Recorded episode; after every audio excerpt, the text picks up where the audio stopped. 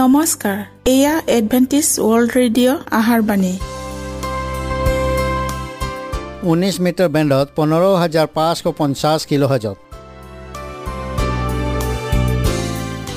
Adventist world radio যোগে অসমীয়া ভাষাত প্ৰচাৰিত আহাৰবাণী প্ৰত্যেক বুধবাৰ আৰু দেওবাৰ সন্ধিয়া সাত বজাত আহাৰবাণী শুনাৰ পিছত আপোনালোকৰ কিবা মন্তব্য আৰু প্ৰশ্ন থাকিলে আমালৈ এই ঠিকনাত লিখক। আমাৰ ঠিকনাটি হৈছে Adventist world radio' seven day Adventist মণ্ডলী অসম শাখা লতাকাটা বশিষ্ট গুৱাহাটী সাত আঠ এক শূন্য দুই ন।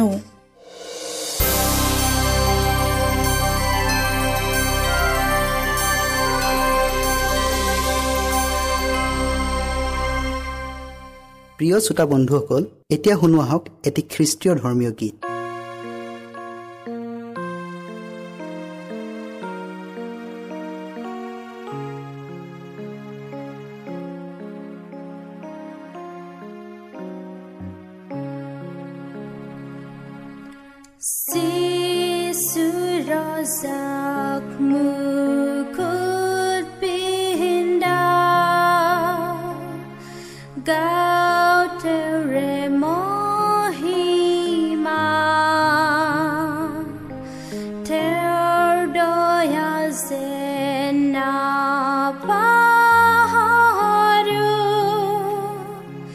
गलग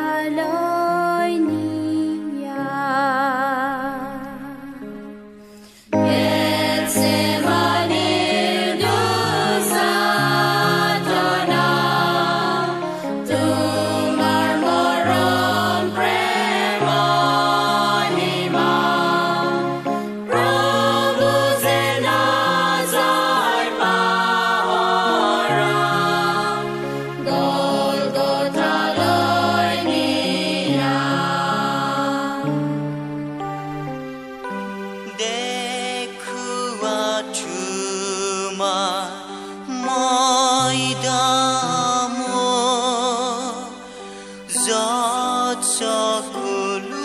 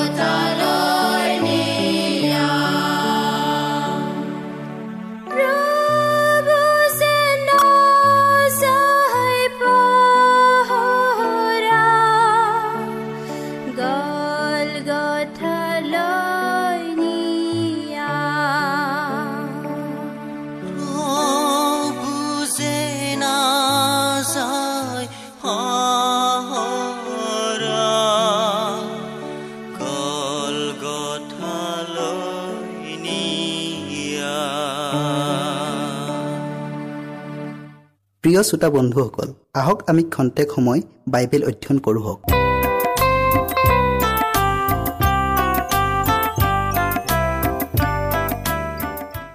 প্ৰিয় শ্ৰোতাসকল নমস্কাৰ। আমি আজি যোৱা অনুষ্ঠানৰ বাকী অংশ ন আৰু পুৰণি দ্ৰব্য এই বিষয়ে আকৌ শুনো হওক।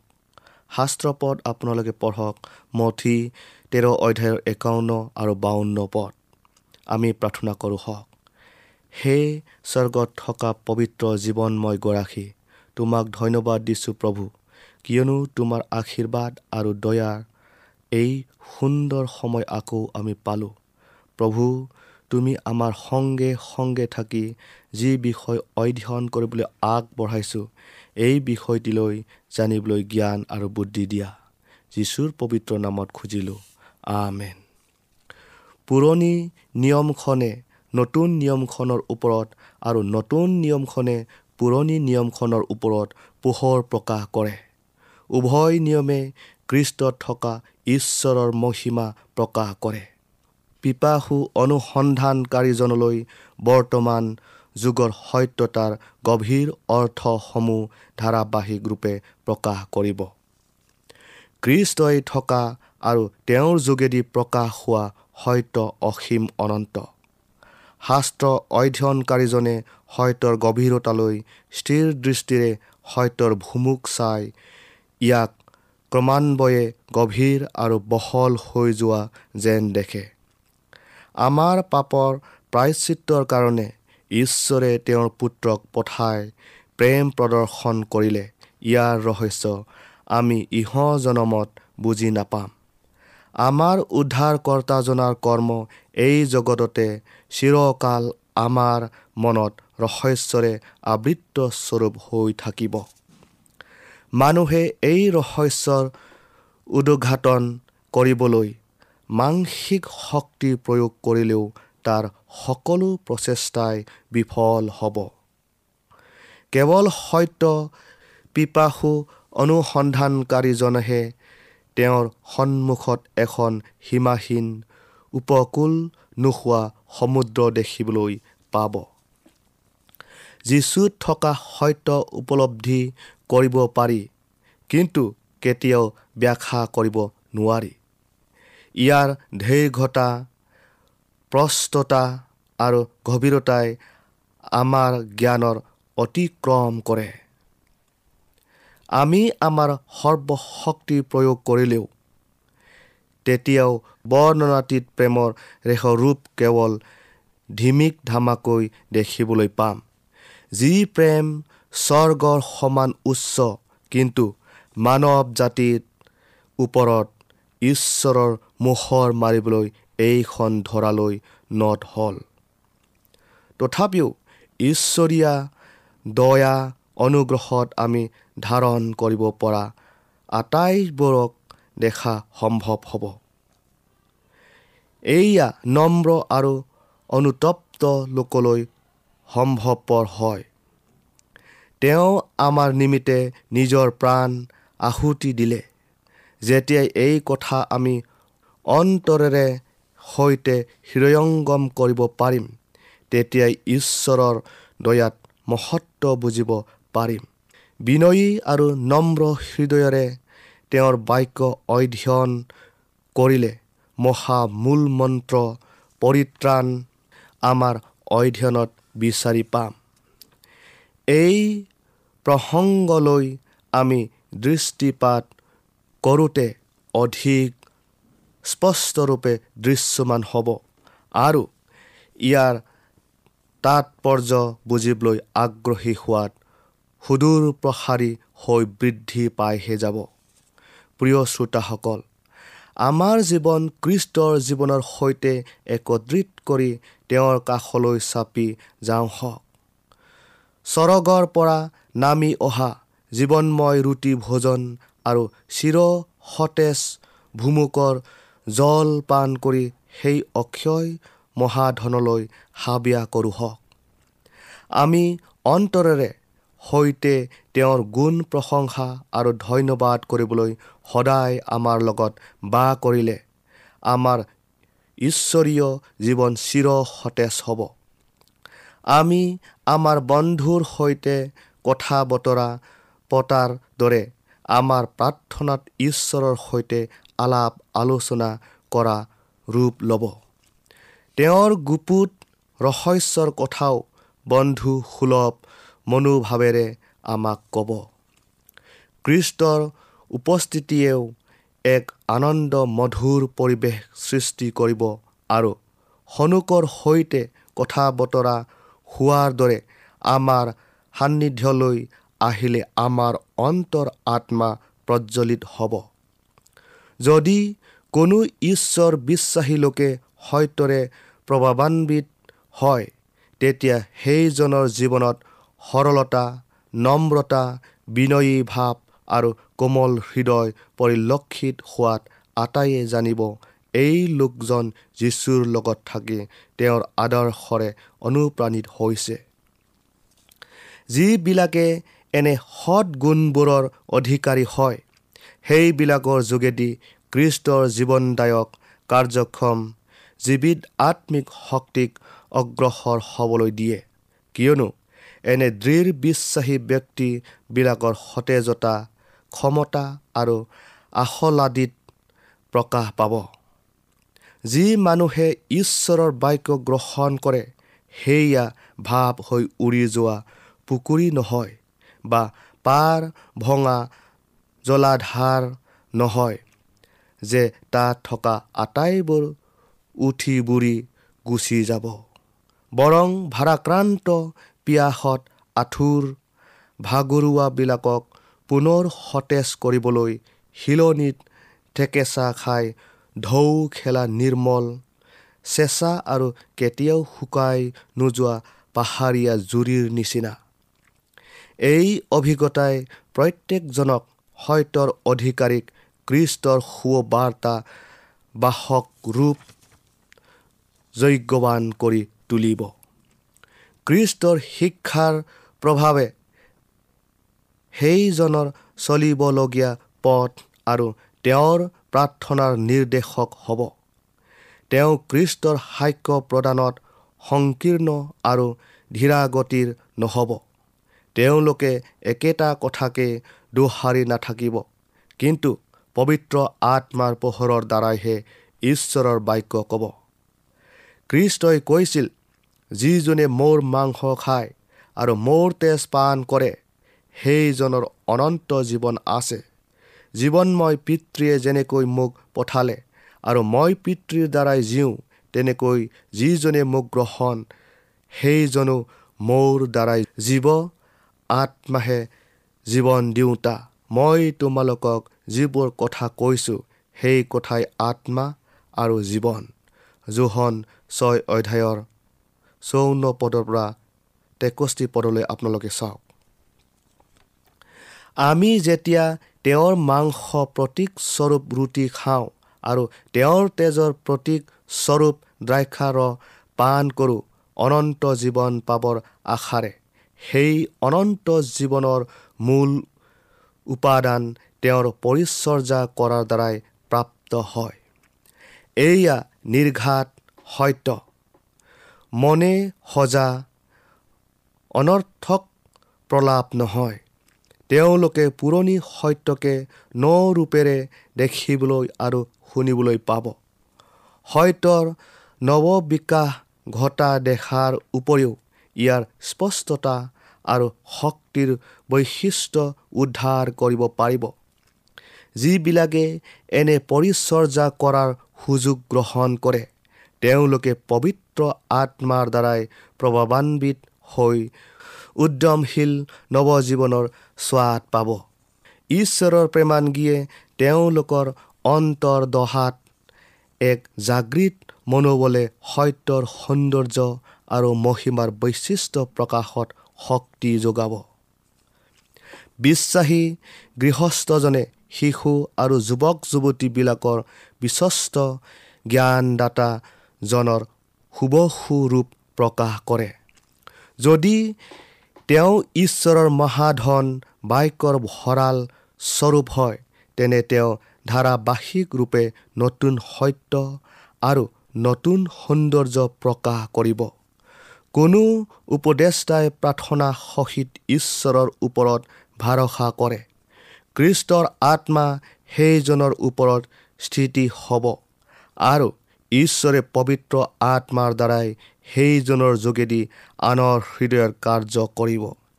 সেই আত্মাই মন আৰু হৃদয়ত মধুৰ আশা আৰু সৎসাহ আৰু ঈশ্বৰৰ বাক্যৰে অলংকৃত কৰিব আৰু তেওঁৰ তত্বাৱধানত যুৱক যুৱতীবিলাক উপৰোক্ত গুণবোৰৰ দ্বাৰাই পৰিচালিত হ'ব। স্বৰ্গীয় শান্তি আৰু আনন্দৰ ভুমুক বিশ্বাসীত বাক্যৰ দ্বাৰাই সেইজনত খুলি দি এক বিশাল নেৰ সাদৃশ্যেৰে তেওঁৰ কাষ চপা সকলোকে আশীৰ্বাদেৰে উপচাই দিব। ধৰ্মশাস্ত্ৰখন তেওঁলোকলৈ আৰু বিৰক্তিকৰ পুস্তক নহ'ব। জ্ঞানৱন্তজনৰ পৰিচালনাত ঈশ্বৰৰ বাক্যৰ প্ৰতি অধিক স্পৃহা জাগিব। এয়া জীৱন ৰুটি স্বৰূপ আৰু অক্ষয়নীয়। শিশু আৰু যুৱক যুৱতীবিলাকক ইয়াৰ সজীৱতা আৰু সৌন্দৰ্যই আকৰ্ষিক আৰু মোহিত কৰিব। পৃথিৱীখনক নিত্য উজ্জ্বলতা আৰু তাপ দি পোহৰ কৰি ৰখা কদাপিও ক্লান্ত নোহোৱা সূৰ্যৰ দৰে হৈ হ'ব। প্ৰিয় শ্ৰোতাসকল ঈশ্বৰৰ পবিত্ৰ শিক্ষাদায়ক আত্মাই হৈছে তেওঁৰ বাক্য। আৰু ইয়াৰ প্ৰত্যেকখন পৃষ্ঠাই পৰা এক নতুন আৰু অতি উজ্জ্বল পোহৰ তথা আত্মিক আহাৰ পোৱা যায়। তেতিয়া শব্দ আৰু বাক্যেৰে সত্য প্ৰকাশিত হয়। তেতিয়াই হৃদয়ত ঈশ্বৰৰ মাতে উচিত সময়ত তেওঁৰ পৰিচৰ্যাত অৰ্থে আহ্বান জনাইছে বুলি জ্ঞাত হ'ব লাগে। যুৱক যুৱতীবিলাকক পবিত্ৰ আত্মাই ঈশ্বৰৰ বাক্যৰ ঐশ্বৰ্য আৰু ইয়াৰ সৌন্দৰ্য প্ৰকাশ কৰিবলৈ ভাল পায়। মহান গুৰুজনাৰ নিজ মুখৰ পৰা ওলোৱা বাক্যই জাগতিক মন দমন কৰি আত্মিক অৰ্থাৎ ঐশ্বৰীয় শক্তিৰে অনুপ্ৰাণিত কৰি তুলিব। ফলদায়ক মনৰ সৈতে ঐশ্বৰিক ঘনিষ্ঠতা অটুট হ'ব আৰু সেয়ে সকলো প্ৰকাৰ প্ৰলোভনৰ পৰা ৰক্ষাৰ প্ৰাচীৰ হ'ব। আমি সপোনতো কল্পনা কৰিব নোৱাৰা ঈশ্বৰৰ সত্যৰ গুৰুত্ব সহকাৰে আৰু উধাৰ ৰূপ ধাৰণ কৰি ইয়াৰ অৰ্থপূৰ্ণ ভাৱ প্ৰকাশ কৰিব। আৰু এই বাক্যৰ সৌন্দৰ্য আৰু প্ৰাচুৰ্যত মন আৰু স্বভাৱ পৰিৱৰ্তন কৰা ক্ষমতাও আছে। অনুপ্ৰেৰণা যোগাবলৈ স্বৰ্গীয় প্ৰেমৰ জ্যোতি বৰষিব। অধ্যয়নৰ দ্বাৰাই ঈশ্বৰৰ বাক্যৰ প্ৰতি আস্থা বৃদ্ধি পায়। শাস্ত্ৰ অধ্যয়নকাৰীজনে যি পথেই অনুসৰণ নকৰক কিয়? তেওঁ তাতেই ঈশ্বৰৰ প্ৰেম আৰু জ্ঞান প্ৰদৰ্শন কৰিব। প্ৰিয় শ্ৰোতাসকল ঈশ্বৰে তেওঁৰ সত্য আমালৈ জ্ঞাত কৰা দ্বাৰাই আমাৰ পৰিত্ৰাণৰ অৰ্থে আটাই অপৰিহাৰ্য নিয়মৰ অধিকাৰী পাতিলে। সহস্ৰজনে জীৱন জলৰ কুঁৱাৰ পৰা পানী তুলিলেও ইয়াৰ সৰবৰাহ হ্ৰাস পোৱা নাই। সহস্ৰজনে প্ৰভুৰ খোজৰ অনুগামী হৈ আৰু তেওঁলৈ দৃষ্টি কৰি ঈশ্বৰৰ মূৰ্তিত লীন হৈছে। যিহেতু তেওঁলোকৰ হৃদয় প্ৰজ্বলিত হোৱাত কৃষ্ট তেওঁলোকৰ কোন আৰু তেওঁলোক কৃষ্টৰ কোন ইয়াতে প্ৰফুল্লিত হৈ উচ্চস্বৰে তেওঁৰ গুণ প্ৰশংসা কৰিলে। তথাপিও তেওঁলোকে এনে মহান আৰু পবিত্ৰ কাৰ্যত ভাগৰি নপৰিলে। সহস্ৰ সত্য অনুসন্দিগ্ধ ব্যক্তিয়ে পৰিত্ৰাণৰ ৰহস্য উদ্ধাৰ কাৰ্যত ব্ৰতী হৈছে। কৃষ্টৰ পৰিচৰ্যা কাৰ্যত প্ৰত্যেকটো সত্য পথ পতীয়া আৰু উজ্জ্বলতাৰে পোহৰ বিকিৰণ কৰিব। অতি মনোযোগেৰে নকৈ কৰা অনুসন্ধানে অধিক সনভেদ প্ৰকাশ কৰিব। মনোচেতনা জাগৃত হৈ থাকিব। কৃষ্টৰ অৱতাৰ ৰূপে জন্ম হোৱা প্ৰায়চিত্তকাৰী উৎসৰ্গ আৰু মধ্যস্থতাকাৰী কাৰ্যৰ অধ্যয়নে অধ্যসায়শীলজনৰ সময় বাগৰি যোৱাৰ লগে লগে আশ্চৰ্য প্ৰকাশ কৰি ক'ব ঈশ্বৰৰ ৰহস্য অতি মহান। ইহ জগতত আমাৰ সামৰ্থ্য অনুযায়ী যিখিনি জ্ঞানৰ আৱশ্যক আছিল সেইখিনি পালোঁ। কিন্তু চিৰস্থায়ী ৰাইজত পোৱা জ্ঞানতকৈ আৰু অধিক ৰূপে জানিম। পৰিত্ৰাণ পোৱাবিলাকে নিজৰ হৃদয়ত আৰু চিত্ৰ আৰু জিভাগ যোগে যোগে তেওঁৰ নামৰ গীত প্ৰশংসা কৰিবলৈ ব্যৱহাৰ কৰিব। কৃষ্টই যি সত্য তেওঁৰ শিষ্যবিলাকক কোৱাত বুজিবলৈ অসমৰ্থ হ'ল সেই সত্য উদ্ধাৰ পোৱাবিলাকে বুজি পাব। নিকুট নৌ ধাৰণা আৰু কৃষ্টৰ গৌৰৱ আৰু মহিমা চিৰকালৱৰ্তী থাকিব। অন্তহীন যুগে যুগে বিশ্বাসী গৃহস্থই অৰ্থাৎ কৃষ্টই তেওঁৰ ভঁৰালৰ পৰা নৌ পুৰণি দ্ৰব্য উলিয়াব। প্ৰিয় শ্ৰোতাসকল এইটো দৃষ্টান্তৰ বিষয়ে আজি আমি ইয়াতে সামৰিলোঁ। অহা অনুষ্ঠানত আমি নতুন দৃষ্টান্তত আগবাঢ়িম হওক। আশা কৰোঁ আপোনালোকে শুনিবলৈ নেপাহৰিব। ঈশ্বৰে আপোনালোকক আশীৰ্বাদ কৰক।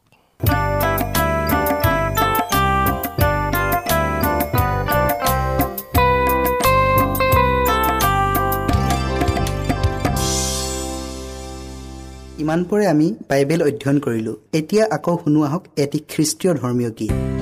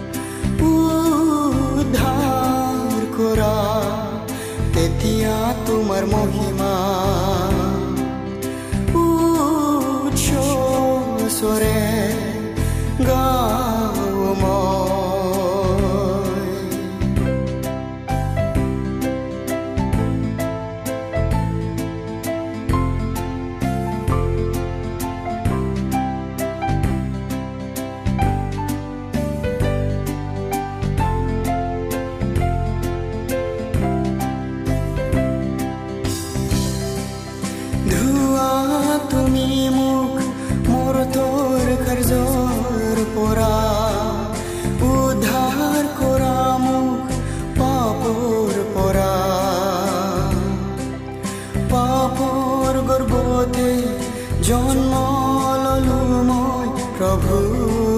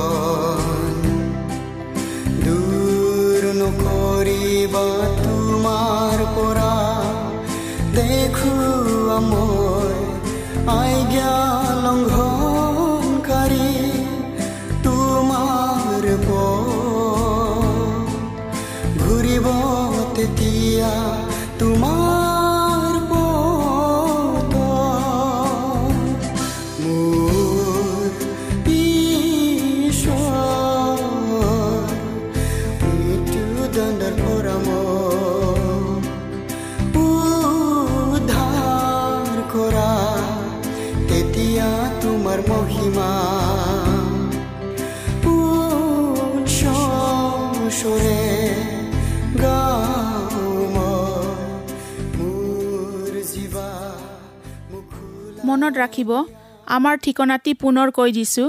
Adventist world radio' Assam region of seven day Adventist voice of hope Latakata Basistha Guwahati seven eight one zero' two nine প্ৰিয় শ্ৰোতা বন্ধুসকল এডভেণ্টিজ ৱৰ্ল্ড ৰেডিঅ' যোগে আহাৰবাণী প্ৰচাৰত আপোনালোকক পুনৰ লগ পোৱাৰ আহাৰে আজিলৈ সামৰিলোঁ। ধন্যবাদ।